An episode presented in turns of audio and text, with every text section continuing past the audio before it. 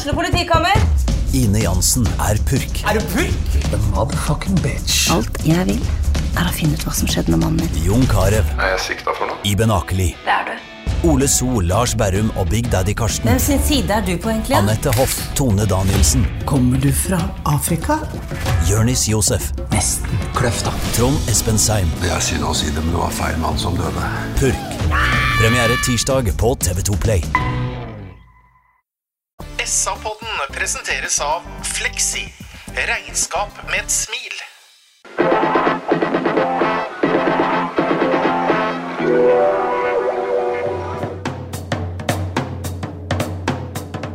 Sarpsborg Arbeiderblad gir deg en ny episode av SA-podden med Sven René Nygård, Øystein Weber, Petter Kalnes og Bjørn Inge Bingen Nilsen. Her er SA-podden. Det er Sarpsborg Arbeiderblads helt egne, egen uh, fotballpodkast. Her sitter en smørblid Bjørn Inge Binge Nilsen. God kveld. God kveld, Bingen. Du skal få et spørsmål av meg til å begynne med. Vi skal, jeg har bestemt at vi skal kåre den i, i pod som ligner best på George Clooney. Og det står mellom Sven og Øystein. Hvem ville du valgt? Der hadde jeg valgt Øystein Weberg. Ja, Det hadde jeg gjort òg, så velkommen til podden, Øystein Weberg.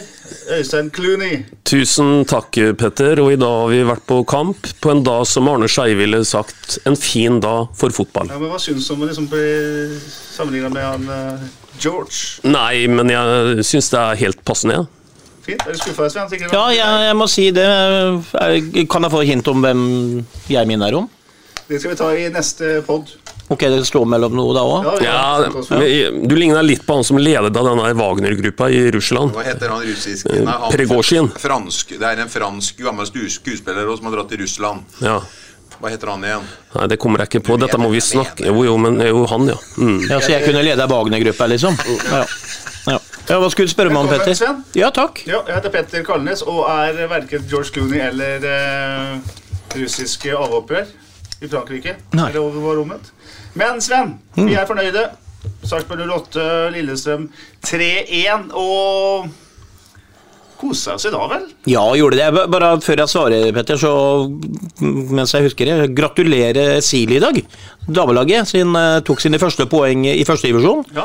25-23 med Glassverket borte. Sterk seier til jentene, så det er gøy. Vi tar med oss eh, to ganger Gråker innebandyklubb og eh, ikke minst Sparta i tillegg. Det er bra helg for Ja, ja, idretten i Sarpsborg. Sarpeidretten har vel aldri vært sterkere, tror jeg han er akkurat nå. Men tilbake til kampen. Det var en eh, ja, jeg vil- si det at eh, Det er ikke den beste kampen vi har spilt på evigheter, eh, men det var solid. da. Vi, vi er litt mer effektive. Vi eh, slipper ikke inn de her måla vi gjorde før. altså Sånn type kamp som mot Lillestrøm i dag kunne fort vært en sånn 1-1-kamp tidligere eller et eller annet. Men vi er solide, som sagt. Vi har fått nye spillere. Jeg syns de er spennende, alle sammen. Uh, og så setter vi inn nye spillere som holder høy kvalitet, ikke sant. Så nei, det er solid om dagen, rett og slett. Bra. Hovedinntrykket ditt, Øystein? Nei, det er litt som eh, Sven sier. Vi fikk litt godt betalt i første omgang i dag, vi må være litt klar over det. Altså 2-0 til pause i forhold til spill og sjanser er litt i overkant, men vi tar hjertelig imot det, for vi har hatt mange kamper hvor vi ikke har fått eh, veldig godt betalt. Og eh, det er som Sven sier, at nå har vi en eh, solid eh, tropp. Bare det å ha en skadefri Niklas Sandberg på benken, det sier noe om at uh, Sarpsborg by har aldri hatt en sterkere stall enn de har 17.9.2023. Har de sett den noenlunde samme kampen som deg i Wiggen? Eh, ja, de har for så vidt det. Sven mente at førsteomgangen var det dårligste han har sett i år. Uh, men, vi, men, vi, men, men vi leda 2-0. Uh, og det vil jo si det samme som at momentumet til eh, Lillestrøm Det drepte jo vi når vi mest trengte det. Vi skåra to mål, egentlig litt mot spillets gang. Det er utrolig deilig. Som regel så har vi stanga og stanga og hatt ball possession på 60-65 og så liksom ikke, ikke satt den når vi har eh, trengt den. Men i dag så satt vi to mens vi trengte det aller mest, og det var eh, veldig befriende å se. Og jeg er jo helt enig med Veberg at eh, stallen er veldig bra. Jeg skrev en melding til dere i går kveld i forhold til eh, intensiteten på trening har vært liksom veldig veldig bra denne uka. her sånn. Jeg tror faktisk ikke jeg kan si at jeg har sett så bra høy intensitet. Og den som liksom ikke bruker leggeskinner nå, den uh, får skylde seg sjøl. For at uh, nå er det mange som ønsker å spille. altså. Og jeg er helt enig med Veberg. Det at Sandberg ikke spiller fra start, rett og slett ikke komme i startelveren i dag, det er, er, rett og slett et sunnhetstegn for, for klubben videre. Så det blir, Vi sa jo sist gang at det etter Brann at det blir en spennende høst, og det blir en morsom høst, og det gjør det. Se hvordan Tebo presenterer seg i dag. Mm. Wow. Vi skal snakke om resten av sesongen i overtida når vi kommer så langt. Men uh, bare for sagt det, Bingen, at uh, når vi får meldinger der på lørdagskvelden, så er det ikke alle meldinger vi tar like seriøst. Men den i går den var fin og var helt på sin plass. For uh, det er bra kvalitet på både trening og kamp i Sarpsborg 8 om dagen. Ikke minst gjelder jo det benken som vi har snakka om. Ja mange ganger. Jeg kan ta, vi kan ta lagoppstillingen, men vi skal begynne med benken. da. Anders Kristiansen, Elias Haug, Arne Kasav, Magna Rødegård, Simon Tibling, Anders Him, Peter Reinhardsen, Kristian Fardal Opseth og Niklas Sandberg. Sier vi om det? Ja, det er, heter bredde, heter det. Nå har vi breddebingen. Det, det kan vi være enige om. Hvis vi tar og ser nedover i elva kanskje til våre venner i Fredrikstad, som er i ferd med å rykke opp i Eliteserien, så hadde vel eh, flere av disse her spilt eh, fra start i kveld i, i dag mot uh, mot, mot Sogndal? Du? Jo, definitivt. Det, skal, det, vil tida utmerket vise. At det, det, er, det, er, fortsatt stor kvalitetsforskjell mellom Obos og Eliteserie. Så det er det ingen tvil om. Stefan Bilbarn sa på forhånd at det å ta ut laget det begynner å bli vanskelig. Han har jo for mange alternativer, som vi har sagt nå flere ganger. Kjetil Haug står i målet da. Eirik Vikne, Bjørn Inge Utvik, eh, Franklin Tebo og Sander Kristiansen er de fire bak. Junior, Viktor Torp spiller sentralt midtbanen. Mikkel Margaard til venstre, Rafik Seknini til Unnskyld, Mikkel til høyre, Rafik Seknini til venstre. Ramon Pascal Lundqvist, dyp spiss og Jo Inge Berge på topp. Jeppe Andersen er i Stockholm og er i ferd med å bli pappa, så han var eh, ikke uh, tilgjengelig i dag. Vi starter eh, Sven René Nygaard med å si litt om Franklin Tebo, nigerianer som debuterte i dag etter overgang fra Hekken. Fornøyd? Ja, veldig fornøyd. Eh, så jeg gjenstår å se når han går på noe sånn tulleball, da, fordi han spiller på små marginer, men da lykkes han med alt. Eh, og så er han litt brutal i duellspillet noen ganger. Han har bra spenst, eh, vinner dueller. Og det som overraska mest med han egentlig, det var det at jeg syns han spiller litt intelligent som midtstopper. Han faller av tidsnok, han selger seg ikke. Hvis han først går opp og trykker til, så vinner han som regel den ballen hver gang. Han gjør ikke noen sånn sykdoms- eller barnefeil bak der. sånn, og Han er rett og slett spennende. Bra toppfart, stor fysikk. Og hvis fotballhjernen er sånn som jeg syns han så ut til i dag, så har vi i mine øyne gjort et skup. Bra spenst er jo egentlig denne poddens understatement. Jeg vil tro at Hvis noen hadde gitt han en uke på å øve på Fosburys flopp, så hadde han jo hoppa over to meter i høyde. Så, så han, er jo, han, er jo, en høydehopper, han. Mm. Men uortodoks, da. Og, og gjør, gjør, Det er som Sven sier, du sitter litt sånn og men, men, er det noen som liksom på en måte utstråler selvtillit i kraft av eh, det du gjør på banen, så, så virker det som den gutten der har mye av den, eh, den vara der i seg, altså. I hvilket ord ble den høydehoppstilen innført, forresten? Nei, det vet jeg ikke. Som vanlig så kommer du med noen quizer her som ikke vi har forberedt, så det husker jeg ikke. Kanskje tidlig 70-tall? Sent 60 sånn, er det, Du hopper jo bare rett fram, da, eller? Okay. Eller du hopper rett fram? Ja, rett fram, ja. Nei, men oppå eh, Nei, det er den du ser i dag. Den du ser i, dag, Hva kalte du den? Fosburis Flop. Han het Fosbury, han som uh, gjorde det for første gang. Ja, jeg kaller det for høydehopp. Vi snakker om uh, Tebo så må jeg si det at jeg snudde meg rundt til Ole Werner Mathisen og til Sven Sødeberg og guttene som var på treninga om ja, en dag midt i uka. Hva er egentlig svakheten hans? Og det har, jeg klart, det har jeg faktisk ikke klart helt å finne ut ennå, for han er jo brutal i kroppen sin. Og han har jo en muskulatur som er helt rå, og når han bestemmer seg for å bryte foran, så bryter han foran. Og så har han jo tempo. Og det er klart at der, han spiller litt marginer, men foreløpig så er vi jo langt unna å se at han gjør seg bort. Og hvis han gjør seg bort, så har han jo faktisk tempo til å løpe opp øh, dem som mm. tar ballen fra han, eller hvis det pasningsfeilen er så grov at den kommer gjennom med keeper, så har han så tempo i kroppen sin. Så jeg er helt enig, og det her er en utrolig spennende spiss. Jeg liksom, spiss? Uten, nei, spiller. Jeg, uten sammenligning for øvrig så tenker jeg med en gang liksom en sånn ung van Dijk i Celtic. Eh, litt sånn uortodoks i spillestilen. Bena går litt sånn i hytt og pine, men fy faderen så brutal han er i kroppen når han bestemmer seg for å bryte foran eller gå foran eller gå i duellen. I hodeduellen så er han jo helt uh, enestående. Så det er en veldig, veldig bra signering som jeg ikke så kunne komme engang. Det er en god spiller. Du sa i stad, Sven, at han også er bra i posisjoneringa og i det å falle og opp i makkeren sin osv. Eh, ser jo det allerede etter eh, ti minutter der, da Risum får et mål? Som blir avblåst på offside. Der setter de faktisk en flat firer eller en forsvars en offside-felle og, og lar Lene Olsen gå i den. Ja, nei, Du ser sånn som i hvert fall i dag. da, Det er klart det er første kampen. Det kan jo få backslash eh, senere, ikke sant? Men, men, du ser at han på en måte hele tiden er til stede i kampen. Han orienterer seg om seg sjøl i forhold til motspillere. Han har ikke det fokuset som kanskje mange andre spillere noen ganger har. Det er den ballen, ballen, ballen. Men han ser rundt seg, ser bak ryggen sin, hvor er kameraten min hen? Og ser faren og faller av. Og bryter i dag perfekt stort sett hver eneste gang. når når han bestemmer seg for å gå fram og trykke til, og da tapte han vel ikke en duell omtrent. Og så er han eh, og så har han vinnerskalle. Han, eh, han, ønsker å ta tak i guttene, snakke med dem. Utover, kampen, så, utover i kampen så gjorde han det flere ganger. Han ville jo eh, posisjonere dem, han ville styre dem. Han var, han var eh, han var veldig bra. Så igjen, som jeg sier, en eh, veldig god signering. Og det er et luksusproblem å snu seg til benken for, mm. for Billborn nå og se hvem han skal uh, sette inn. For han, han uh, kan fort styrke laget med fem, fem, bytter, rett og slett. Mm. Jeg så en midtveis i første omgang, så gir han en av spissene huden full av kjeft, faktisk. Fordi han, han har ballen rettvendt sjøl og etterlyser et bakromsløp da, som ikke kommer. Og da, da, står han liksom og gir ja. enten Berge eller Pascal Lundqvist litt ja. kjeft. Og det er som du sier, Binge, det er... Ja vinnerskalle. Og så er jeg enig med deg, Sven, at, eh, eller om det var Bingen som sa det, han er så rask, så han, kan, han tar noen friheter i det defensive Det var nok jeg som sa det. For det var en mer klok uttalelse, Bingen. Så jeg Herregud, det, det jeg skulle prøve å si, da, for å liksom følge opp deg, Bingen, som er veldig smart, er at han uh, tar litt uh, sjanser. Går litt ut av fireren og sånt, men han er så rask så han kommer seg hjem igjen. Og det er jo ikke alle midtstoppere som vi har sett den siste uka, Sven. F.eks. på landslaget, som har den evnen der. Nei. Summa summarum en uh, god signering så langt, Stein. Ja, veldig veldig bra. Og Når vi først bringer Bingen på banen, her, så må jeg bare referere til melding som kom like før poden her. For Bingen er jo podens diva, hvis noen ikke visste det. Og egentlig på mange måter podens superstjerne. Så Bingen er ikke snøvere enn at han sender oss tre andre melding hvor det står 'Si ifra når alt er rigga og klart'. Da kommer jeg. Setter gjerne fram noe varmt vann. Ja, ja. Han, eh, han, skal ha det servert. Nei, veldig veldig bra signering. Veldig spennende. Vi har rett og slett aldri plukka spillere her på den hylla vi har gjort nå i sommervinduet. Og årsaken til det, det skjønner alle uten uten at de bør repetere det.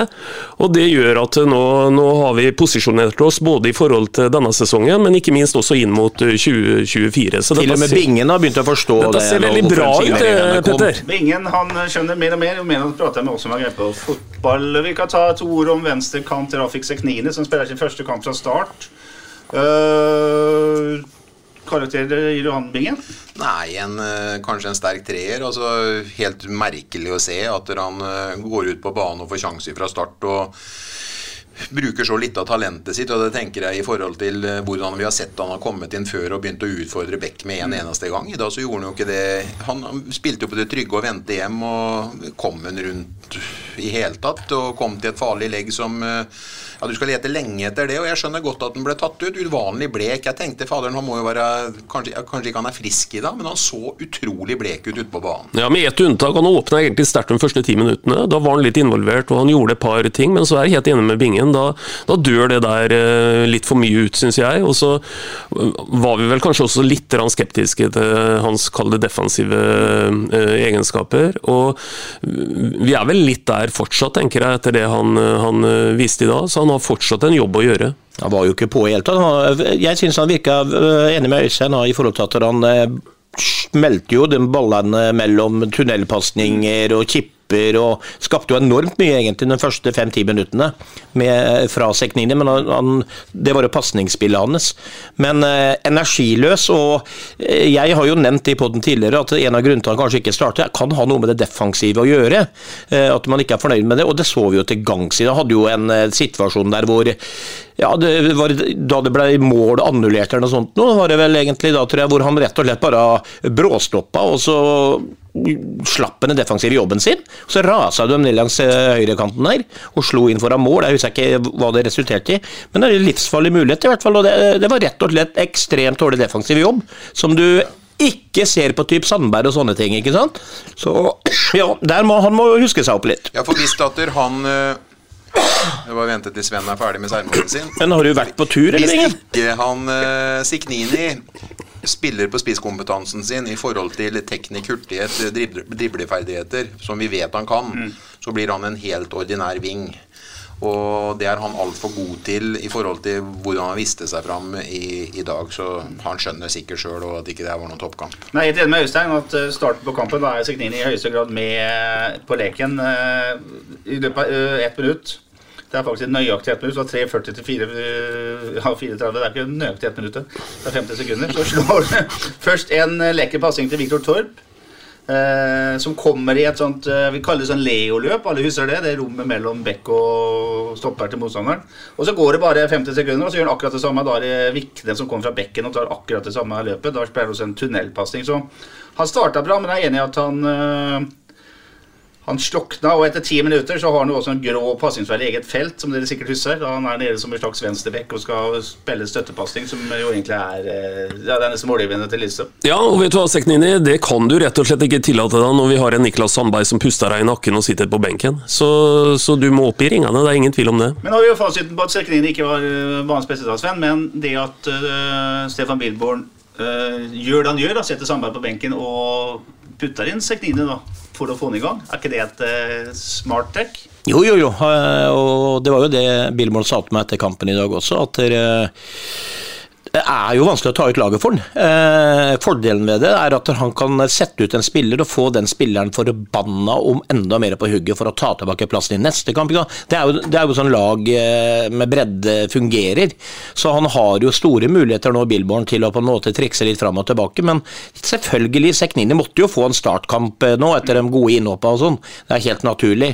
Men eh, jeg setter vel ganske mye kroner på at dere de bytter plass i neste startoppstilling. Men la oss diskutere det temaet som jo egentlig er noe som dukka for noen år siden. Altså, si 10-15 år siden, da, da Alex Ferguson eksempel begynte med å rullere på laget sitt. Det har blitt veldig vanlig spesielt internasjonal fotball, men også delvis for en del lag i Norge. Vi husker Arsenal spilte en sesong med Brukte de 13 mann, så var det maks. Nils Arne Eggen brukte alle enn 15. Eh, Nå skal man rullere mye mer. Nå har det kommet til Sarpsborg òg, kanskje. Hva tenker du om den problematikken? Nei, Jeg tenker at i utgangspunktet så er ikke jeg veldig glad i sånn overmye rullering. Og én ting er hvis du hadde vært på mange arenaer samtidig, altså at du spilte i Europa, du spilte serie, du spilte søndag, torsdag, søndag osv. Da krever det kanskje noe mer. Men, men det serieprogrammet vi har, er nok ikke tøffere enn at uh, Jeg tror det er mer ulemper med en utbredt rullering enn det er i fordeler i forhold til å skape relasjonelle uh, egenskaper. Altså, det, er noe med at hvis øh, Sven og jeg øver sammen hele tida, så, så blir, det, blir vi vant til hverandres styrker og svakheter. Men så, så jeg tror at øh, så lenge vi ikke er på flere arenaer, det er ikke noe cup, det er ikke noe e-cup, det er ingenting sånt, så tenker jeg at vi skal ikke ikke overdrive det, tenker jeg. Men Bingen, eh, unnskyld men Bingen, når, du, når de har gjort de grepene de har gjort i sommer, og henta inn så mye klasse, er de ikke pokka nødt til å få dem i gang? Jo, og det, Det det, det, gjør han jo òg. ja, ja. Og jeg eh, syns jo det er en styrke. Vi, vi, vi, syns, vi, vi prata jo veldig om i våres, vi, i forhold til Spillesdalen. og vi syns jo eh, Berntsen kunne gjort en bedre jobb, for eh, vi var helt avhengig av en 14-15 mm. som det medisinske måtte, måtte holde i gang hele tiden, for det var ikke så mye mer å ta av. Og nå har vi jo egentlig fått en en eh, mer spissing i, i eller Bredden har blitt bedre, men på en side, annen side så har kvaliteten blitt eh, mye større på dem som er ja, Nå kan vi jo snakke om helt opp til en 17-18 mann. Og det er veldig positivt, eh, spør du meg. Så Veva var inne på det i stad. Ikke nok med at vi får en bra høstsesong, men vi bygger også for fremtiden neste år nå. Så det har vært en klok sammensetning, mener jeg, da. Ja da, og, og det, er, det er akkurat der rullering kommer inn, da, eh, tenker jeg. Hvis du tenker på ta Chelsea f.eks., en periode der hvor de nesten hadde forskjellige startelvere. For det første så må vi ikke glemme det at eh, Arsenal trente vel to og en halv gang i uka før i tida, mens i dagens fotballspillere trener veldig mye. Vi har kunstgress, eh, et verre underlag å spille på, mer utsatt for skader. Og som jeg sier, når man får en sånn bredde med klassespillere, du kan jo ikke sette Berget på, på benken utover til enhver tid, ikke sant. Da, da, det, det, må komme i gang, som du er inne på. da. Så lenge de er så gode, og det er så mange av dem, så tenker du at rullering er eh, Det er bare sånn Det har blitt i moderne fotball. Se på Molde òg. Molde kan jo ikke spille med den elveren sin hele tida. Må jo fullt av stjerner. Det kommer jo godt åt skogen, det, hvis ikke de får rullert i kamp etter kamp. Ja da, også, men det spørs litt hva vi legger i rullering her, da. Jeg, jeg mener jo absolutt at nå har, vi, vi folk nok med såpass høy kvalitet at, at eh, jeg veldig tilhenger av at vi bruker byttene våre osv. Det er jo ikke større forskjell nå på en del plasser enn at eh, en uthvilt spiller kan gå inn og så høyne kvaliteten på en som er sliten og skal ut osv. Så, videre. så det må vi for all del på en måte gjøre. Og jeg kaller ikke det rullering at vi en eller annen gang her bruker en Seknino og en annen gang Niklas Sandberg. Jeg snakker i litt større omfang enn det. da. Den rulleringa vil jeg ikke ha noe av.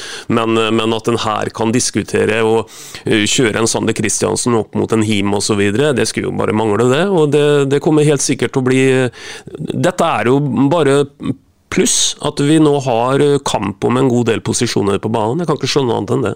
Vi skal ta én uh, spiller til, kanskje til og med to, før vi går litt uh, på kampdetaljene. Uh, jo Inge Bjerget starter på spissplass.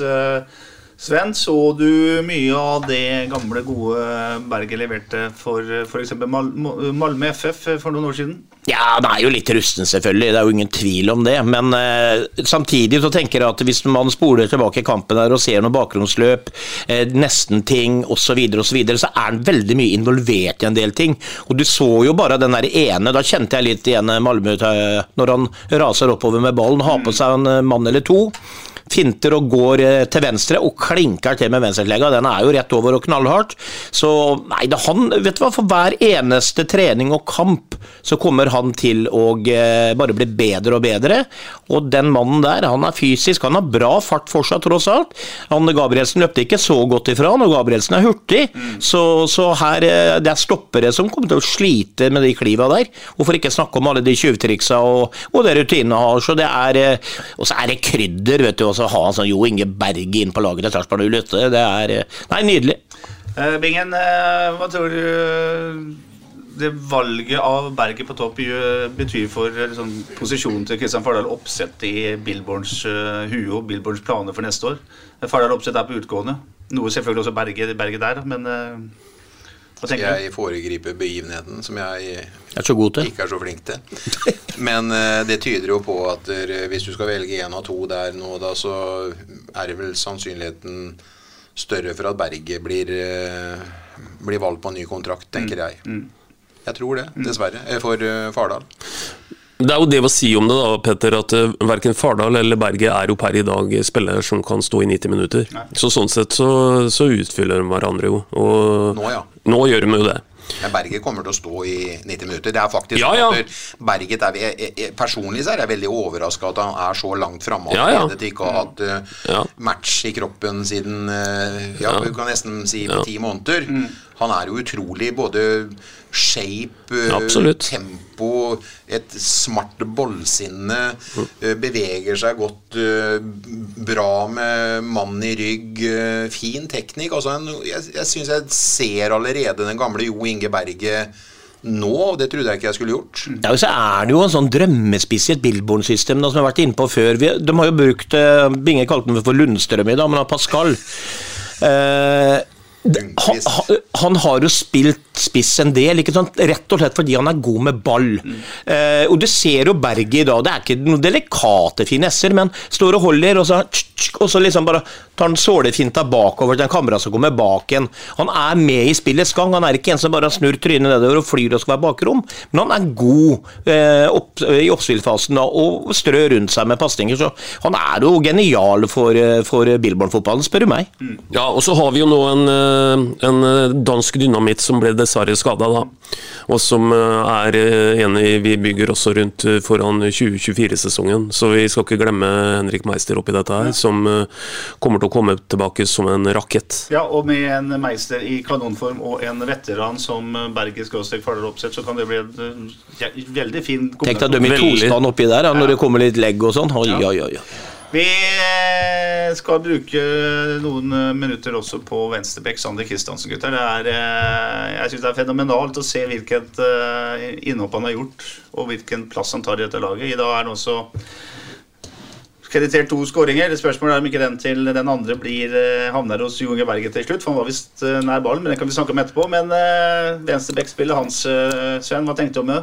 Nei, altså eh, vil si han skåra to mål, da. Det er jo fantastisk for en, en, en back. Men det sier jo også, som du snakka om etter kampen med meg, Petter, at det sier jo litt om Billborn-systemet, og når backene går opp og blir tomålsskårer osv.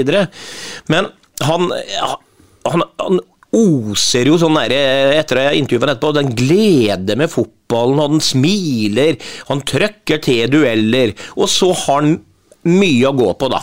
Syns jeg, defensivt. For eh, det var, det var kanskje greit for noe hvile på slutten der, for han fikk en kjørt så han var ikke til stede nede i, i ramma si osv. Så, videre. så han har mye å gå på, men det er en ung gutt som ikke har spilt mye på det høyeste nivå. Men det han har gjort nå, siden han kom og spilte seg inn på laget og fått dem innhoppa, så, så er, det, er det her veldig spennende. Men han må drilles litt defensivt. Men der har jo, som sagt, kan ikke få i pose og sekk. Viktene samme. Offensivt eh, spennende, og det er eh, Sander også. Men uh, moderne backer skal jo være med like mye framover i dag, og der er han bedre enn hjemover. Så virker det Bingen, som at uh, Anders Kim trenger litt tid på å bli eh, varm i trøya og dus med systemet. Ja da, men han kommer. Det, det, det, det ser du jo på trening at han er en uh, spiller som det, det er en grunn for at man henter han. Han er bevegelig, hurtig, han er eh, bra med ballen i bena. Han eh, løper opp, og han er offensiv i spillestilen sin, og han har en veldig fin venstrefot. Så jeg tror mer på fremtiden for han eh, på den plassen enn jeg gjør for Sander eh, selv om han eh, gjør en Kristensen. Ja, Sander. I forhold til den vektposisjon der. Jeg, men han har, han har kommet som et friskt pust, og det at han skårer to mål i dag, er bare å ta av seg hatten på. Men jeg er helt enig med Sven at det, var greit at han fikk hvile utover i annen omgang i dag, for at det begynte å balle seg litt på for han. Du er gammel keeper, som de fleste har fått med seg. Hva er dommen din over eh, Kjetil Haug, som altså holder Anders Kristiansen uh, ute av laget? kommet inn øh, Vist en veldig fin ro, spredd trygghet i forsvaret. Gjør ikke så mye ut av keeperspillet sitt. Han er veldig flink til å plassere seg. Han er stort sett der ballen kommer. Det er ikke noe sånn ekstraordinære redninger for publikum osv. Jeg syns han øh, spiller veldig godt, og han øh, så lenge han holder seg skadefritt, så står han resten av sesongen. Han har vært veldig god, og ikke minst, som jeg sier, det at han sprer tryggheten til Forsvaret, det er, det er veldig, veldig bra. Jeg syns han har hatt en god, en god inntreden i 08. Ja, Er det tre ganger 90 han har spilt? Er det tre kamper? Sier han eh, ja. Og Det er jo en del minutter. og er, eh, Hvis jeg tenker etter, leter etter, har, han gjort noe feil omtrent i hele Nei, altså ingenting.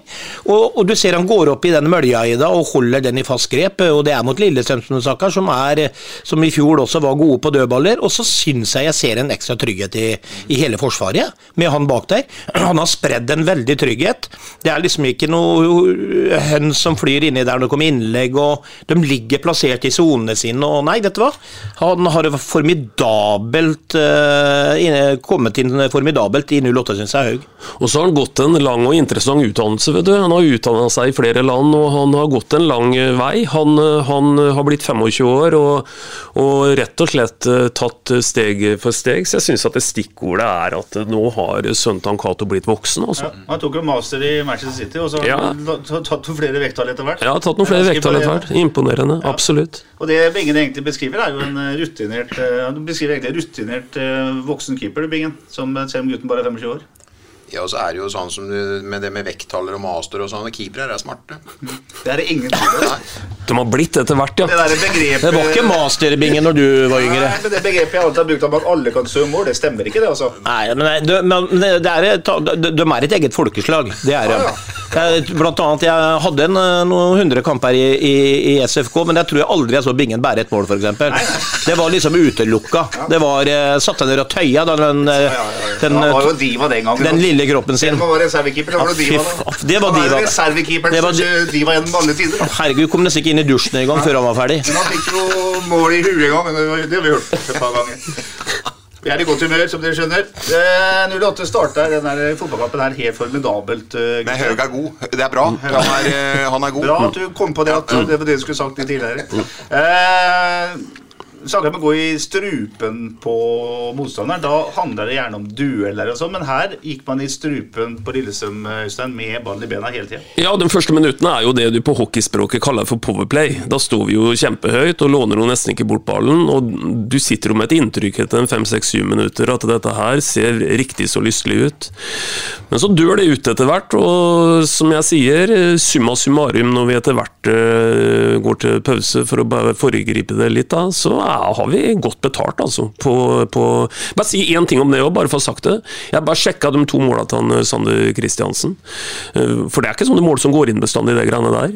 De to måla der, det ene er en 6% sjanse, som de eh, analytiske sier, og det andre er en 10% sjanse. Og begge, begge går inn. Så vi har litt flyt. Så henholdsvis 6 og 10 av 100 av den her går i mål. Helt riktig.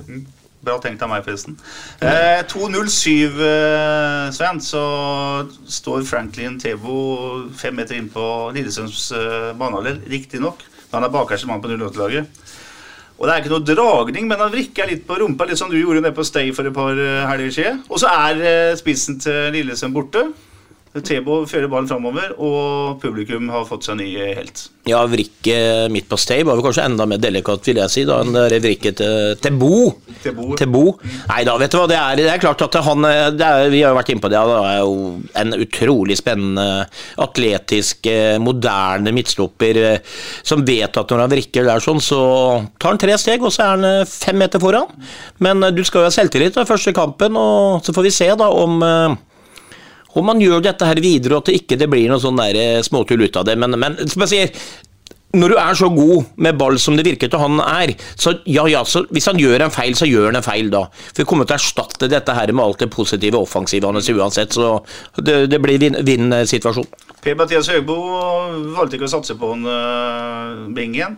Allikevel så kommer han hit uh, full av selvtillit. Han spilte riktignok den siste matchen for Hekken, men uh, han var jo ikke fast på laget. Det virker som det er en mann med håper jeg, huet på rett plass òg. Ja øh, Høgmo eller Tebo? Hue Høgmo Ja, Tebo er øh, og, ja, Huet på rett plass. altså Han er i hvert fall fotballspiller. Det er ikke noe tvil om at han i, Det er, har sikkert noe med spille, måten å spille på som Høgmo på en måte ikke vil ha noe av. Da går han heller for trauste Even Hovland. Og det er nesten ganske utrolig når vi ser hvor, øh, hvor, hvor øh, god han han er, eh, og Vi tenker på at Even Hovland for to år siden ble avskilta i, i Rosenborg og spiller eh, på topplaget i, eh, i Göteborg, eller i, i Sverige nå. Så det er ganske fantastisk. Men jeg sier liksom, det er et styrketegn for oss, etter hva jeg har sett han på trening og det jeg ser han i første kamp i dag, at vi har fått en så god spiller. Så han Hampus og Bjørge har vært på jobb for eh, 08, og det har vi sagt nå gjentatte sendinger, at det overgangsvinduet vårt så har vi ikke sett maken til eh, noen gang, eh, vil jeg si. Så det er veldig bra. Bra. Per-Mathias Høgmo har forresten også huet på rett plass, for nå topper Hekken igjen allsvenskan. Så det nærmer seg slutten der òg. Eh, og han blir også nevnt som eh, ny eh, trener for det svenske landslaget, så han eh, har fått en ny eh, vår i Sverige. 3.50, 5.50 står det. En kjempemulighet for, eh, Pascal, som drar og drar og drar og drar og aldri får skutt. Inni, høres ut som et gammelt eventyr, men han fikk ikke skutt, i hvert fall. Lese. Nei, den er stor, vet du. Vi satt jo bare og venta på at han skulle fyre, og det ender jo med at han aldri gjør det i den situasjonen der. Jeg vet ikke om han hele tida tenkte at uh, skal jeg skaffe meg enda litt bedre posisjon, så rant det ut i sanden. Det var litt synd, for den, den, den, det var en farlig mulighet. Sier vi der, Sven, at han ikke er en sånn uh, typisk målskårer? For uh, Odd Iversen brydde seg ikke om, det- om det var noen folk i veien, for å si det sånn. Nei, nei, det er- det sant, det. det. Man har jo sett det over tid nå, at han ikke er noen typisk målskårer. Men eh, det er nok der eh, Sånn som jeg husker det, så syns jeg Lillestrøm-spillerne var flinke til å flytte over og blokke, blokke, blokke. blokke. Og han vet fyrer jeg nå, så ja, ja, kanskje han går mellom noen bein, men han så vel ikke de åpningene, da. Så, så han venta nok på en bedre mulighet, som han aldri fikk. Han hadde vel ikke den beste kampen sin i dag, eh, han. Det var mye skvatt litt Halvveis. i bena på han. Og jeg syns det eh, at han på en måte ikke spilte opp imot sitt beste i dag eh, Han kom litt i skyggen faktisk av Berget i dag, syns jeg. Etter ni minutter så får uh, Lillestrøm en overgang der uh, Bjørn Inge Utvik og Franklin Tebo uh, stopper opp og setter Jeg tror det er Lene Olsen i offside. Men det er første gangen Lillestrøm er på, et, eh, på en sjanse om, om skaper altså mulighet med en gang. Så de, de er eh, skumle. Minuttet etter så kommer den berømte passingsfeilen til Seknini inn i egen 16-meter. Det er jo bare Guds lykke at den blir blokkert til eh, corner. Uh, så er det en kontringsmulighet. Det er Seknini, eh, som har corner, blir klarert. Seknini i duell med Eskil Ed.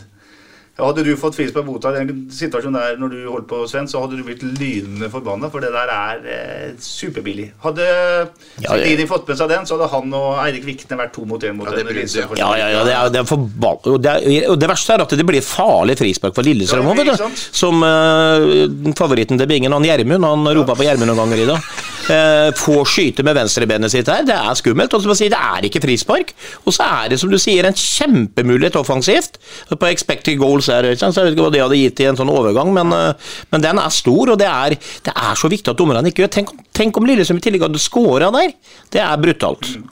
15 minutter. Eh, skyter Torp et bra skudd ned til høyre hjørne til eh, Hedenstad Christiansen, som redder den. Det blir en eh, ny situasjon. Innlegg som eh, Jo Inge Berge ikke er høy nok på på første stolpe, som du husker, så blir bare stussa bakover. og Da header eh, Margaard mot mål. Får ikke nok kraft i, i headinga. Uh, og Hedenstad Kristiansen, som altså er en strålende keeper, kan bare fakke ballen. Ja. Og så kommer en uh, periode her på et kvarter der 08 ikke er uh, spesielt bra. Det er en eh, kjempemulighet, og da er vi helt oppe i det 28. minutt for Lillestrøm, som spiller seg rett igjennom et helt 08-lag med et par, tre, fire pasninger. Eh, Det ender med at uh, Gjermund Aasen får en skuddmulighet etter en 45 graders pasning, og da er junior god. Husker du han går ned og sklir liksom før situasjonen oppstår? Ja, ja. Men det er to stykk. Det er eh, vel Utvik som sklir bak der i tillegg. Men det er så elegant at junior hiver seg ned før situasjonen Ja, ja. seg. Ja, veldig, veldig bra. Og eh, Gjermund Charlton har vel hatt eh, bedre dager på jobb, han nå, tenker jeg. Ja, men hentesveisen er god. Hentesveisen er fin. Ja. Som sagt, Lillestrøm er i en god periode, og da skjer det som ofte skjer mot Sarpsborg 8, som Sven snakka om i stad òg. Nå skjer det altså for Sarpsborg 8, nemlig at eh, man skårer mål litt mot spillets gang. Det er en eh, situasjon der uh, Vikne spiller en fin uh, pasning opp til Berget, som eh, får kontroll på oppspillet. Prøver en kombinasjon med junior, men det blir bare sånn halvveis. Og så legger ballen seg nylig til rette for uh, Sanne Kristiansen, som skyter eh, ned i hjørnet. Bra skudd, se. Ja da, fantastisk. og Der, der, der har vi litt ettertrykk. eh, og Det kommer vi sikkert kan komme tilbake til etterpå når Lillesand skårer mål senere. Får et ettertrykk inne i boksen der. altså Det er jo fire, fem, seks ganger. ikke sant? Men der fyller vi på, og det er altså bekkene som kommer liksom inn i 16-meteren omtrent. der sånn, og det, det var ikke sånn den tida jeg spilte fotball, i hvert fall. Nei, quiz, Øystein. Er du med? Ja, vi får prøve. Hvis du ser det målet der, det er litt sånn der, eh, litt halvveis godt mottak og så mislykka pasning. Så ender den hos den som skyter på første touchet. Fra det målet jeg skal sikte til, det er ca. 6-7 meter lenger ut. Vi snakker om et av Mot Nederland, Gøran Sørloth. Bra, Øystein Weber. Du du var på jobb. Det er lett, vet du. 2-1 Har du kjørt samme mot, bil igjen i dag, eller? Nei, nei, nei. 2-1-gålen til eh, Nederland mot eh, Til Norge mot Nederland på Ullevål i Høsten 1992. Bra. Det var bra. Ja, Har du lest på Ja, arket? det er ingenting som står på, ingen quiz som står på lappen. Det har jeg tar alltid i huet. Ja, det er ikke rart den poddene her blir lange, vet du. Det er jo drar seg langt ut på midnatt pga. quizer og spør meg mye. Det imponerte du meg, Øystein? Ikke jeg? Jo. eh, enda Sånn halvveis der. Vi går eh, åtte minutter lenger fram, for det skjer nesten ikke noe. Men det som skjer etter 39 minutter, er at uh, Sander Kristiansen skyter igjen, denne gang på volley. Det interessante, og nå har ikke jeg sett den nok ganger, for jeg har jobba litt etter at kampen var slutt. Hvis det er sånn at uh, Jo Inge Berge er nær den Er det offside? Da hadde jeg trodd det var offside. Jo. Ja, men, men Det er interessant det du spør om der. For jeg tenker at han, hvis Jo Inge Berge står i offside, nå har ikke jeg sett den i reprise jeg heller, så tenker jeg at hvis du ikke er definert som med i spillet der han står posisjonert der, da er du jo aldri med i spillet, for han står jo i skuddretningen. Vi diskuterer hvorvidt han toucha i skoen eller ikke Ja. til Berget. Ja.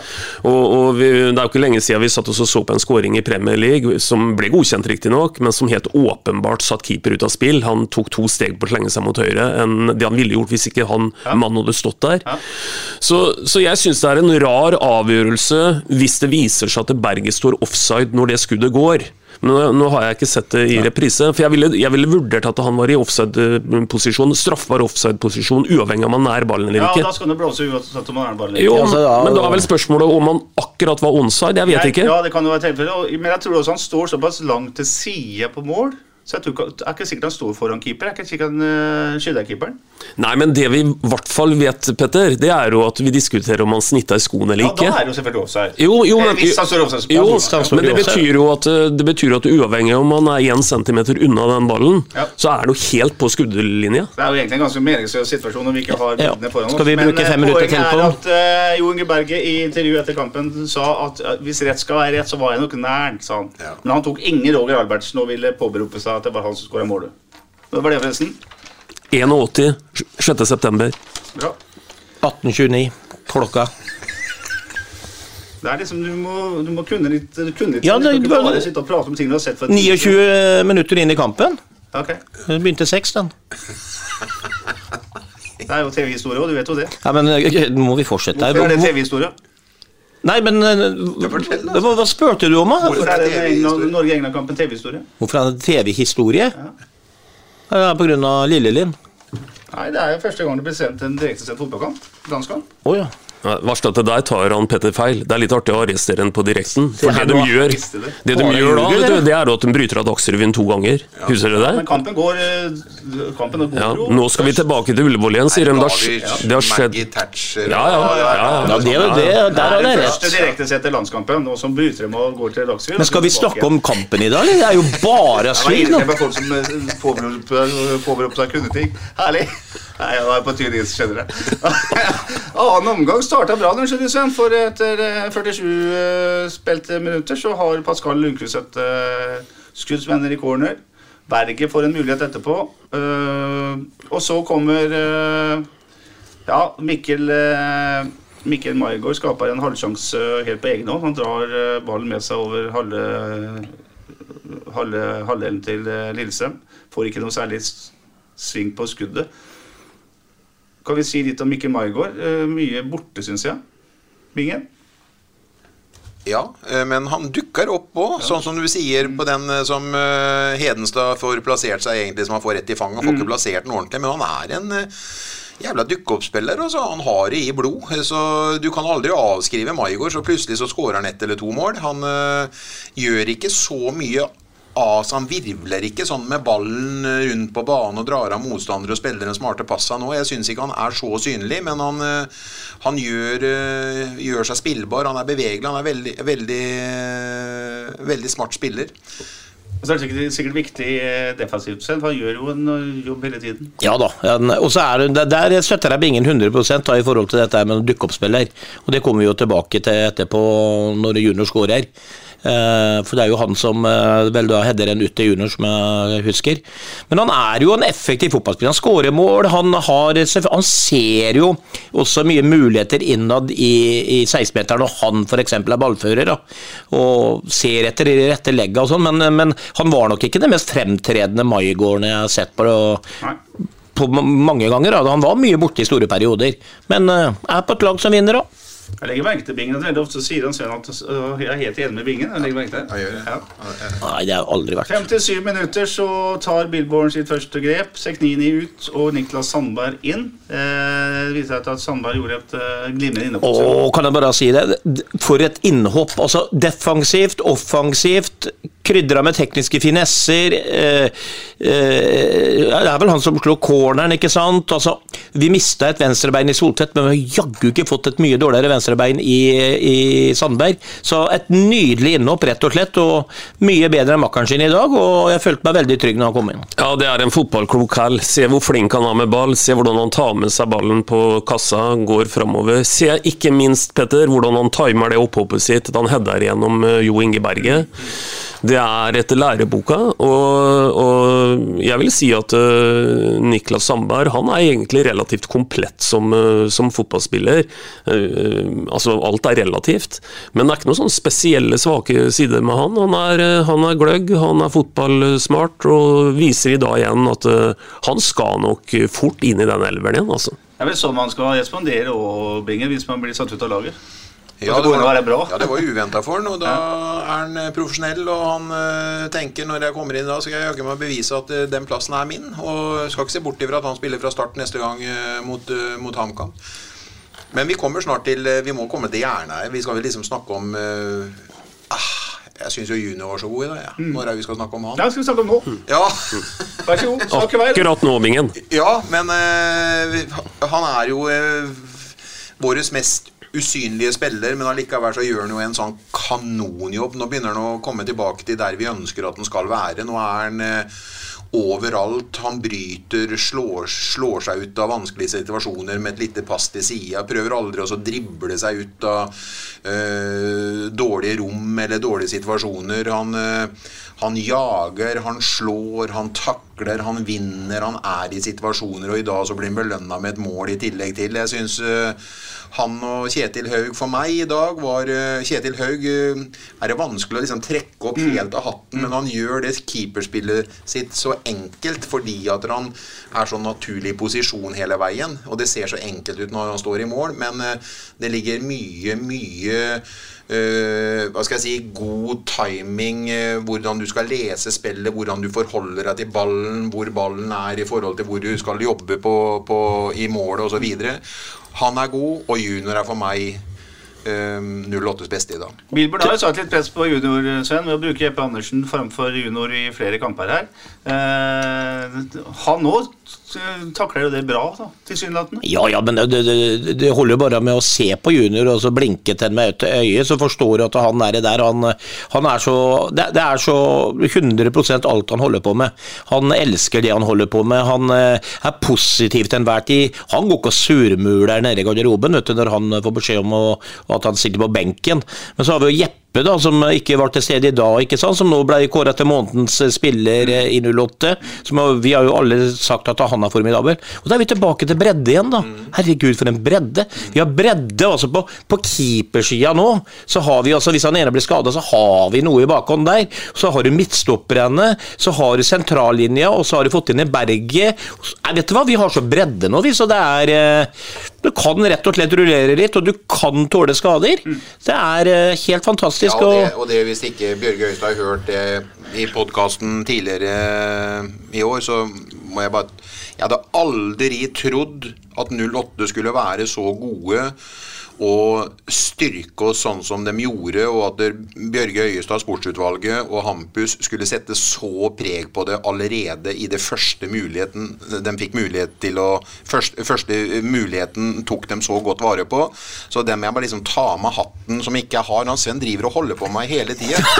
Og det syns jeg den virkelig skal det, det, Den fortjener så ros, og så, så er det ikke noen lånespiller som vi bestemmer når vi er i førersetet på hvem vi skal ha med oss videre. Eh, Ønsker vi å ha dem, ja, da tilbyr dem kontrakt, og nå begynner vi å bli så attraktive for neste sesong, vil jeg tro. Og for den høstsesongen er så, så Den vil posisjonere seg, den vil gjerne spille og vise seg fram eh, hele tiden. Og det er ikke noe sånn selvfølge at det skal spilles inn en elver nå, for nå er det flere om bena. Altså, som jeg sa i stad, har du ikke på deg leggeskinnet på trening nå, så er det din egen skyld. Jeg er helt enig i det Bingen sier, men det er jo en forutsetning som skal til da, for å kunne gjøre et godt overgangsvindu. Akkurat som hvis du skal ned og handle klær i sjappa til Mariann. Og det er at du må ha noe penger i lomma. Og det har de jo nå. Og det har vi jo vært litt eh, inne på. Og vi kan sikkert lage en, nesten en egen pod om det en gang, eh, Petter. Men jeg anbefaler folk også å titte litt på den siste fotballpunch som er laga av rettighetshaveren. For der setter de litt fokus på økonomi i norsk fotball. Og der ser vi hvor sårbare alle er. Nesten alle er sårbare. Det er kanskje et Bodø-Glimt i dag, da, også kanskje et Molde og en, et Vålerenga som har noen som bare plukker opp en regning. Eller så er det faktisk sånn at alle klubbene er veldig avhengig av at uh, du må selge her for å kunne, kunne kjøpe, og, og se litt på, på det. Så Helt enig med Bingen. All ære til dem som har uh, serva dette her gjennom dette vinduet. Det er tidenes overgangsvindu for Sarpsborg 08, uten diskusjon. Ja, og så er det greit at du har penger, men du har aldri noe garanti for at du lykkes. Helt enig. Helt enig. Har du, uh, vi setter jo inn siste, Petter. Han så jo vi på trening når han kom. Vi, Anders Him, han, vi var jo så imponert over han på trening. Og synd for han, så tok Sanders Kristiansen uh, den eller ballen og gjorde den plassen til sin fram til i dag, i hvert fall. Og skårer to mål. Helt fantastisk. Men det var sistemann vi presenterte. Vi har jo sett dansken som røk kragebenet, Meister. Vi har sett Signi, Seknini. Vi har sett Sandberg. Vi har sett Jo Inge Berget. Vi har sett og Haug, Sønnen til Cato, holdt jeg på å si. Haug, Kjetil Haug. Alt alt de har gjort, har de, skal de ha ros for at de har fått til. Altså, Du tar sjansen på noen. Ja, ja, ja. ja. Nei, nei, nei, nei men du har helt rett i det. men- Du må men- både ha penger, og du må ha teft. Og Ja, de har eh, bevist at de har begge deler. Men så, så er det jo noe med dette her nå, grunnen eh, til det det gode overgangsvinduet. Nå har vi også hatt muligheten da, til å hente spillere vi vet er etablert og hva står for. Du må liksom ikke lete på det kanskje det billigste nivået hvor du må sjanse så mye da. Man vet jo hva man får i, i, i Sandberg, ikke sant. Man vet for så vidt litt hva man får i en eh, Berge osv. Så, videre. så Så det er klart at eh, det var jo mer et sjansespill før, før de hadde penger nok. Da måtte de ta ukjente navn og ditten og datten. Nå vet de at du Sandberg, jeg så det sto i avisa. Herregud, for et skup! Vi har sett han kommet inn for eh, Viking flere kamper, og er jo dritgod. Ja. Så vi vet at vi får noe bra, da. Og det Og Ser vi bort fra Jo Inge Berget, så har vi også forynga laget, noe som også er veldig viktig. Ja, ja, ja. Det er Jeg glemte jo, glemte jo til Bo òg, faktisk. Fy Ja. faderen, han presenterte seg. Ja, ja. Det er også en uh, spansk juniorlandslagsspiller som, uh, Casas. Casas, som ikke kom innpå i dag. Ålreit, 62 minutter, så får vel Lillesem det målet som i alle fall, Hvis vi sier at vi har spilt fotball en time, så er det forholdsvis fortjent. Ja, det er egentlig Ja, ja, ut fra spill og sjanser så er det fortjent. Og det er klart at det du sitter med en følelse da, er at nå skal det bli fryktelig fyr i teltet den siste ha- halvtimen. Det er et corner, eh, Sven, som eh, ingen får ordentlig tak i. Eh, Det er eh, Hvis noen skal kalles klabb og babb, så er det vel det der. Ja, eller så kan du Hadde 08 skåra det målet, så hadde jeg sagt se på det ettertrykket der. Se hvordan det, altså, de, de kommer seg ikke ut. kommer seg ikke ut, Vi kriger, kriger, og krigeren inn i mål. ikke sant? Så litt honnør også til Lillestrøm i situasjonen der. Og så er det Sikkert se reprise, men det er, det, er, det er sikkert flere muligheter at de kan få den ballen ut. og Det er halvhjerta, men du skal ikke ta æren fra Lillestrøm at de faktisk står opp i den krigen der. Nei, og det vi skal ta æren for, Sven, er at det blir aldri ordentlig fyr i teltet Nei, etter det den var det jeg sa, Ja. det sa jeg jo på tribunen, og det, Ja. det blei det jo ikke. Og det, og det er egentlig ganske godt gjort altså, mot Lillestrøm, når du får den der reduseringa der, som for dem normalt er en veldig veldig vitamininnsprøytning, så, så, så skaper ikke Lillestrøm all verden etter den eh, reduseringa. Det er eh, 08s eh, fortjeneste. Nei, det er imponerende det som skjer etter eh, den eh, 1-2, eller altså 2-1, eh, 1-2-målet til Lillesand. da. Eh, Det ender vel med at det er eh, David Thomsen som får eh, målet. Jeg tror faktisk at Johan Gebjerg er sist på den, men det spiller jo ikke noen rolle. Eh, Er det ett lag du ikke skal havne i sånn situasjon med, så er det jo Lillesand. Der er de helt ekstremt Ja, ja. og tunge. Eh, Billborn venter syv minutter, gjør et nytt bytte. Sander eh, Kristiansen eh, og uh, Jo Inge Berger blir tatt av. Anders Him, som da vel fikk sin debut, og uh, Kristian Fardal Opseth kommer inn. Fardal uh, tar tak i ballen allerede etter fire minutter. Han har vært på banen. Etter 73 minutter så er det frispark. Der eh, vår venn eh, Hedenstad Kristiansen får lov til å ta en TV-redning, Sven. Nei, Bingen, den hadde jo du plukka òg, selv i dag. Ja, Det er sånn, det skjer ikke med, med Haug. Han, eh, han- gjør det sånn jeg, jeg tenkte på han i stad da jeg nevnte det. Ja. Der er Haug mye mer i posisjon. Han trenger ikke å gjøre den TV-redningen. Det er det som fremhever Haug som en god keeper om dagen. Ikke noe dårlig frispark, men det er en eh, ganske enkel redning av en meget god keeper. Og så, etter 74 minutter, så dukker vår venn eh, Mikkel Maigård opp på bakhusstolpe etter en eh, corner, Sven. Og den headinga der, i 45 grader ut i feltet, har han gjort eh, 100 ganger. Ja, ja. Men der kommer Juno, gitt. Ja, ja, ja. Jeg tenkte nå skal jeg fader de bare skyte, tenkte han. Ja, ja, jeg, jeg spurte Junior om det etterpå, om eh, det her var innøvd, og det var det selvfølgelig, og det ser du nesten nå. Fordi at det her, det her legget på bakre der, altså, det er jo noe med at Maigård han eh, rekker å binge den opp til navlen, ikke sant? Hvis de så siden av hverandre. Er ikke den som bestandig har fokus på seg. De tar jo ut eh, ofte de farlige hodespillerne og sånn, men Maigård er jo veldig god på hodet, spesielt i den styrefasen. da. Og det å trekke han på bakre der, er genialt, det. For det er folk tror at han, de er uoppmerksomme på han. Og du ser jo i det ballen er på vei til hodet hans, så ser du junior tar tre kjappe skritt, for han vet at den ble hedda ut i 45 der. Så det er tydeligvis en eh, Han sa det etterpå.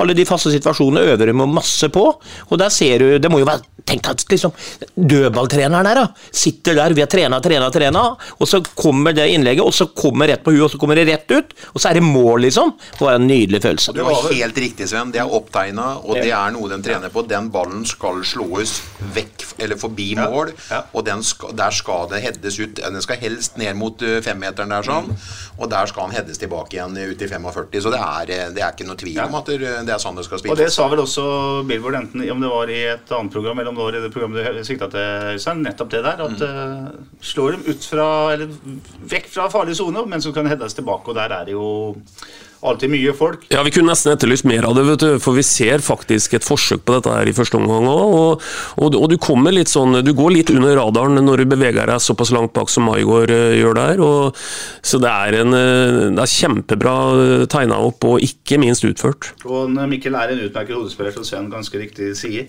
Eh, siste byttene. Eh, 86 minutter er spilt av Eirik Vikne. Blir tatt av til fordel for Peter Reinhardsen. Og så kommer eh, Simon Tibling inn for eh, Raman Pascal Lundqvist. Og det er jo ikke noen uh, sånn hjerte i halsen-avslutning. Snarere tvert imot. Nei, og så er det riktige bytter i den forstand at få inn noen friske ben på slutten der. eh, Da, da, da dreier det seg egentlig bare om å sikre det som allerede ligger i banken. Og, og da er å få inn rett og slett to uthvilte kall på slutten der, det er eh, veldig bra. Bruk hele kvota på, på det. Mm.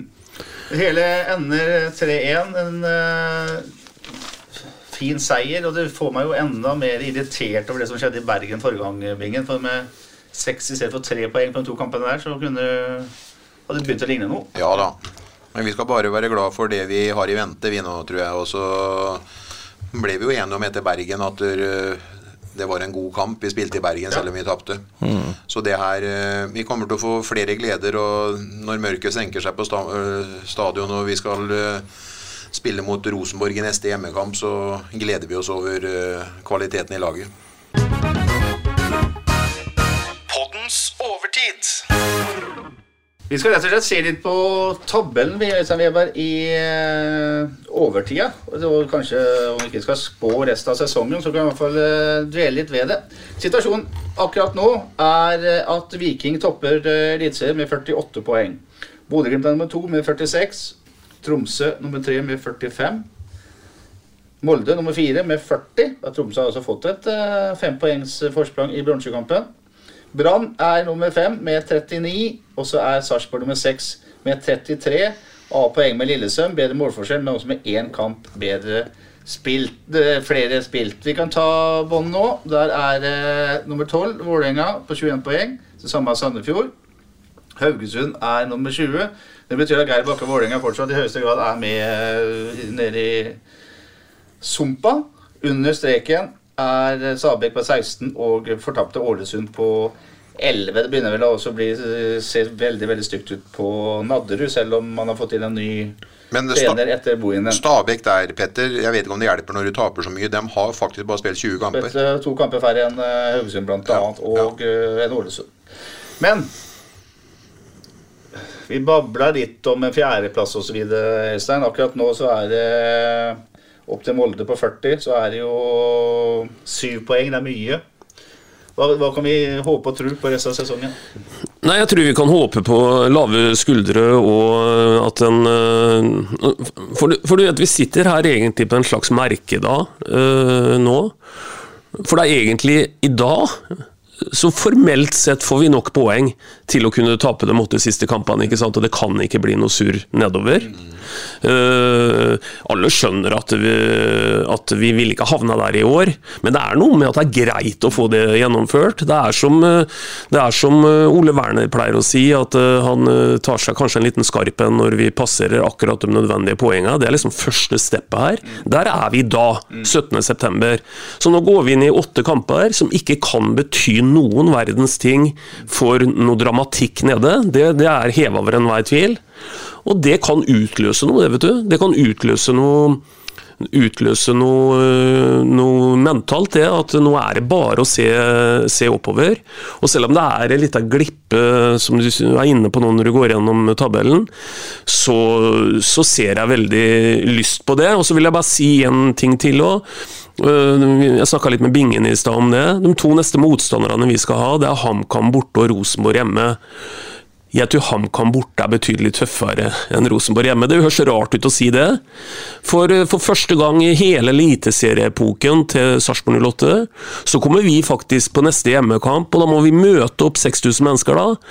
Eh, faktisk eh, møte Rosenborg jeg vil stikke fram haka og si som relativt klare favoritter. Og det trodde jeg nesten ikke vi skulle si noen gang. Sven, vi Øystein snakker om eh, forskjellen på å spille en høstsesong med hjertet i halsen, og det som Sarpsborg også kan gjøre nå, de må bare slippe seg løs og på mange måter kose seg. Si litt om uh, de to forskjellige scenarioene der. Nei, de, de er jo selvfølgelig store, men nå tror jeg vel det at dere, med den selvtilliten og den spilletypen vi har i laget og Billborn og dette her, så har det lenge siden de eh, hadde de tankene at eh, det er viktig å få de poengene, for det, det tror jeg de har visst hele veien.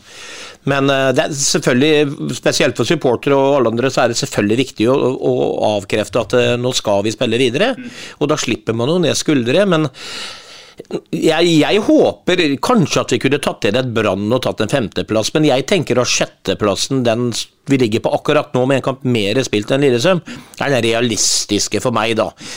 Én sak er å ta igjen sju poeng på, på et fotballag, men det er Molde som ligger der, ikke sant. Så, så, så det blir nok vanskelig. Men jeg hadde sagt til meg før sesongen vi havner på en sjetteplass i år, så hadde jeg vært strålende fornøyd. Og jeg tenker at publikum eh, også tenker at det er, eh, det er mer enn bra nok inntil videre. Så, men hvis vi avslutter sesongen like godt som vi holder på nå, da, så handler det jo om Vi skal begynne på en ny sesong i 24. Når du avslutter på den måten i tillegg, og er en av de lagene som sannsynligvis kanskje da eventuelt kunne ha tatt mest poeng på hele høstsesongen også, så har vi jo en formidabel bra startmulighet da, til neste år. Så jeg tipper sjetteplass. jeg. Men Bingen, det er to scenarioer, eller to tilfeller til her. Det ene er at det er kommet inn mye folk nå i sommer som skal være med inn mot neste år, og som skal finne seg en posisjon og en plass på laget inn mot 24-sesongen. Det andre er jo at det er mange, også nøkkelspillere på utgående kontrakter her, som vel har en uh, interesse av å vise seg fram såpass at man uh, får en ny kontrakt. Tenk f.eks. på Kristian Fardal uh, Oppsett. Hva tenker du om den interne kampen mellom spillerne i tillegg til at man skal levere som et lag? Nei, den kampen Alle vil jo spille. Alle vil jo ha kontrakt. Det kan godt hende Fardal strekker opp handa og sier at jeg velger et lukrativt tilbud og kommer hjem eh, Kommer hjem, jeg, til eh, Kommer hjem til eh, faen var det? Nei, det er noen som er fans utafor her. Sånn, Hadde med seg trillebår og kommer hjem eh, til Sogndal, så det kan godt hende det løser seg, det. Jeg vet ikke hva de tilbyr han osv. Han er jo på utgående kontrakt, så han kan jo velge, han òg. Men han la jo inn en veldig god søknad i cupkampen når eh, 08 spilte eh, i Sogndal. Så det er ikke tvil om det. Noe løser seg naturlig, men det er jo noen spillere her sånn som vi, hell, vi, vi aller helst skulle sett at hadde vært med videre. Sånn som eh, Pascal, sånn som Vikne, sånn som Utvik. Altså, vi ønsker jo å ha dem gode med oss videre når vi krydrer med så mye kvalitet som vi har klart å gjøre nå i det vinduet her. sånn. Så skal det bli liksom fullkomment, så alle kan jo ikke spille, men den derre kvaliteten på en 17-18 mann, den er kjempeviktig å ha med seg inn, og vi har jo etterlyst den i et par år, og uh, istedenfor kvantitet. så jeg jeg håper jo de klarer oss å få resignert eh, dem vi ønsker aller helst vi skal eh, ha med. da. Og så vet vi også, Øystein, at uh, trenerteamet er uh, det samme. Uh, Stefan Bilborn, Bjørklund, Magnus Edlund kan bruke høsten nå til å også rigge seg for neste sesong. Altså få noen svar, uh, teste ut ting osv. Ja, altså Jeg vet nesten ikke hvor jeg skal begynne ja, når det gjelder, eh, når det gjelder eh, hvor mange positive elementer som på en måte er i ferd med å skje med den fotballbyen her. Eh, kan dvele ved det du sier der. Vi har meritterte, superdyktige folk som har forplikta seg til å være her i byen i over tre år til. De, de er jo ikke mer høye på seg sjøl enn at de begynner å få ei kjempehøy stjerne hos disse folka som Bingen osv. frekventerer noen ganger i uka og, og sitter ned og ser på trening her. Hvor de tar seg tid til å så, snakker snakke fotballtaktikk hver eneste uke. Vi har en eh, Lise Klavenes som kommer på Sarpsborg stadion og deler ut en, eh, en pris til eh, Hjelp meg med navnet Bjørnsen. Bjørn- Bjørnsen. Ja, kjempefortjent, Ellen, naturligvis. Eh, Vi har et, eh, et TV-program som går på rettighetshaveren, som er så omdømmebyggende for eh, byen at det er nesten ikke til å tro. Du kan ikke kjøpe sånt for penger. Altså, det er helt, eh, helt makeløst. Og så en liten detalj til som jeg hørte noen sa i stad. Eh, For, vi får jo fyre, vi og Bingen. Fyre så det holder. Nå er det visst sånn at i hockeyen så, så driver en også arrangerer en gang iblant en sånn type kroneskamp. Det er Rosenborg-kampen eh, neste hjemmekamp for 08. Og det betyr at, eh, at eh, her tror jeg det kommer et sted mellom 6000 og 7000 mennesker på neste kamp, og det kommer til å bli en helt fantastisk ramme rundt det. Så, det, så vi, må, vi, må, vi må nesten klype oss litt i armen altså, i forhold til at vi har blitt faktisk en maktfaktor i norsk fotball. Kronekamp er vel det at du, du betaler ingenting for å gå inn, og så betaler en hel haug av sponsorer. Nei, nettopp. Det, tilskuerne kommer vederlagsfritt inn. ja. Bra. det kommer sikkert veldig mye om det om ikke, om de, i de dagene som eh, kommer nå. Mye positivt. Eh, det kan vi vel ikke si om tippekonkurransen vår. Åssen gikk det i dag? Gikk ikke spesielt Jeg hadde 3-1, Jeg jeg. Nei, nå må du gi deg! Jo. Nei, men jeg kan jo rydde litt i dette her. Du vet at det er Sven og, og Bingen Nei. Ja, vent, vent litt nå, Sven. Nei. Ja, nå, jeg, her kunne han faktisk innført et helt nytt begrep. Han kunne sagt at Sven og Bingen er like troverdige som Sindre Finnes. For, for uh, her, spør jeg, her spør jeg rett og slett uh, på stillingen 3-1 uh, Sven, hva var det du tippa? Nei, Jeg mener det var 3-1, sier Sven. Og så spør jeg Bingen. Ja, de ljuger jo så det renner av dem begge to. Men kortversjonen er at det var ingen som tippa, tippa rett i, i dag heller, så det er bare å krumme Hadde jeg to igjen? det er bare å krumme hempa og så, og så gå på. Det er ikke noe annet Bingen, si. du jugde to ganger. For hvor det var Nei, Den du er- nærmeste suksess når det gjelder tipping i helga, det har jeg hatt. Jeg hadde ti rett på tippekupongen i går. hadde 11. mye, mye, mye ga denne.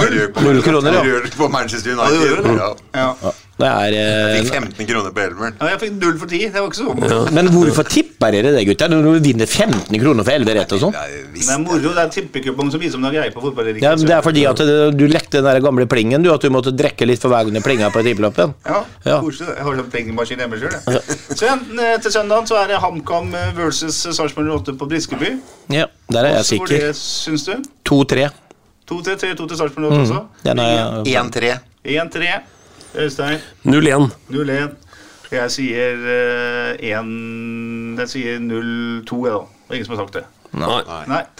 Til søndagen, Øystein, så blir det ikke noe pod. Jeg skal til Italia og prøvepreke for eh, breddepodden til Tutta della Sport. Ja. Svære eh, avisa, vet du. Ja. De har en sånn eh, tegneseriepod der de introduserer noen raringer fra andre land. ja, det er jo ikke noe tvil om at de praktiserer det. Så det, er- det skal jeg bruke helga på i Roma. Nettopp. nettopp. Vi er Fikk du sagt det?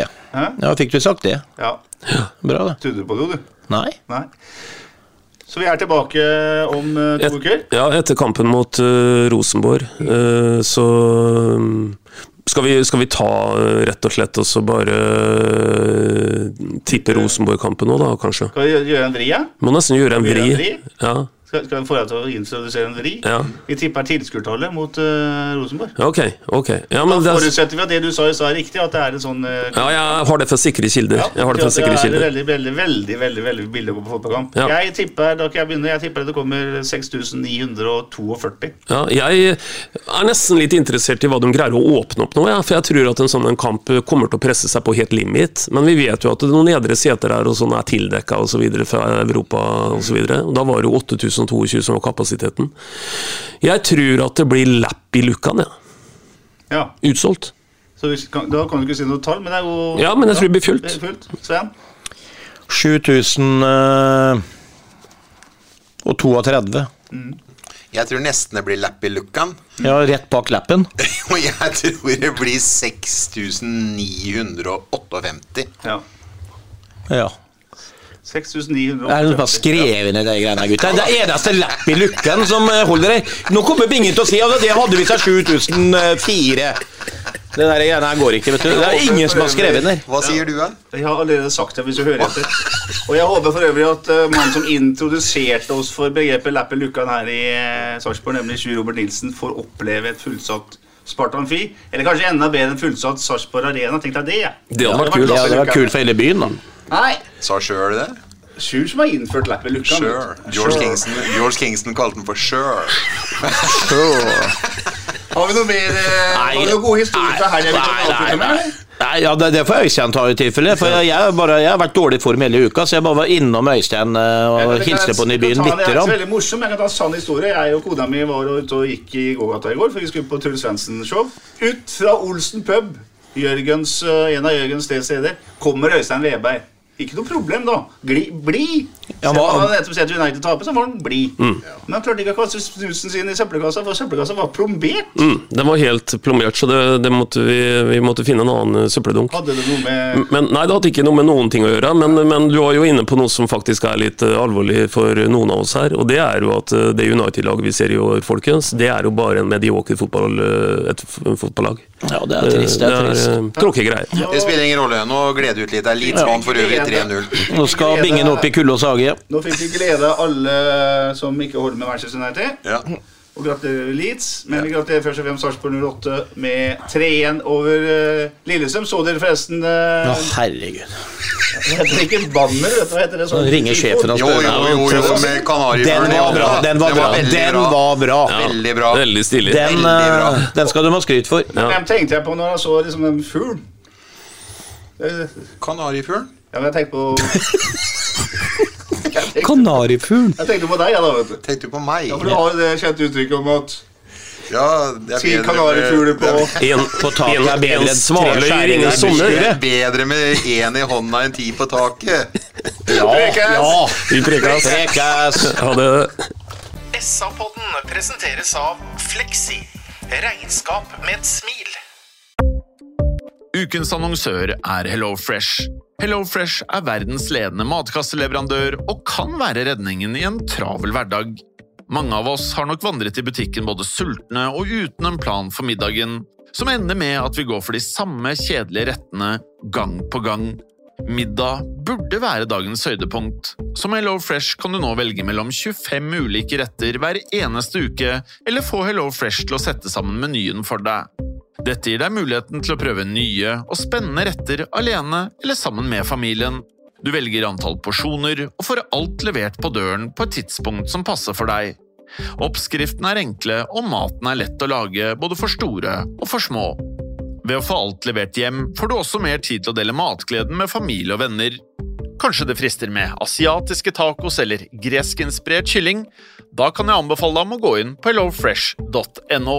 Her kan du bruke koden FOTBALL og få opptil 1779 kroner i rabatt på de første fem matkastene hvis du ikke har prøvd Hello Fresh tidligere. Du kan også bruke rabatten hvis du har vært kunde og stoppet abonnementet ditt for tolv måneder siden eller lengre. Gå inn på hellofresh.no og bruk koden FOTBALL. Har du et enkeltpersonforetak eller en liten bedrift? Da er du sikkert lei av å høre meg snakke om hvor enkelt det er med kvitteringer og bilag i fiken, så vi eh, gir oss her, vi. Fordi vi liker enkelt. Fiken superenkelt regnskap.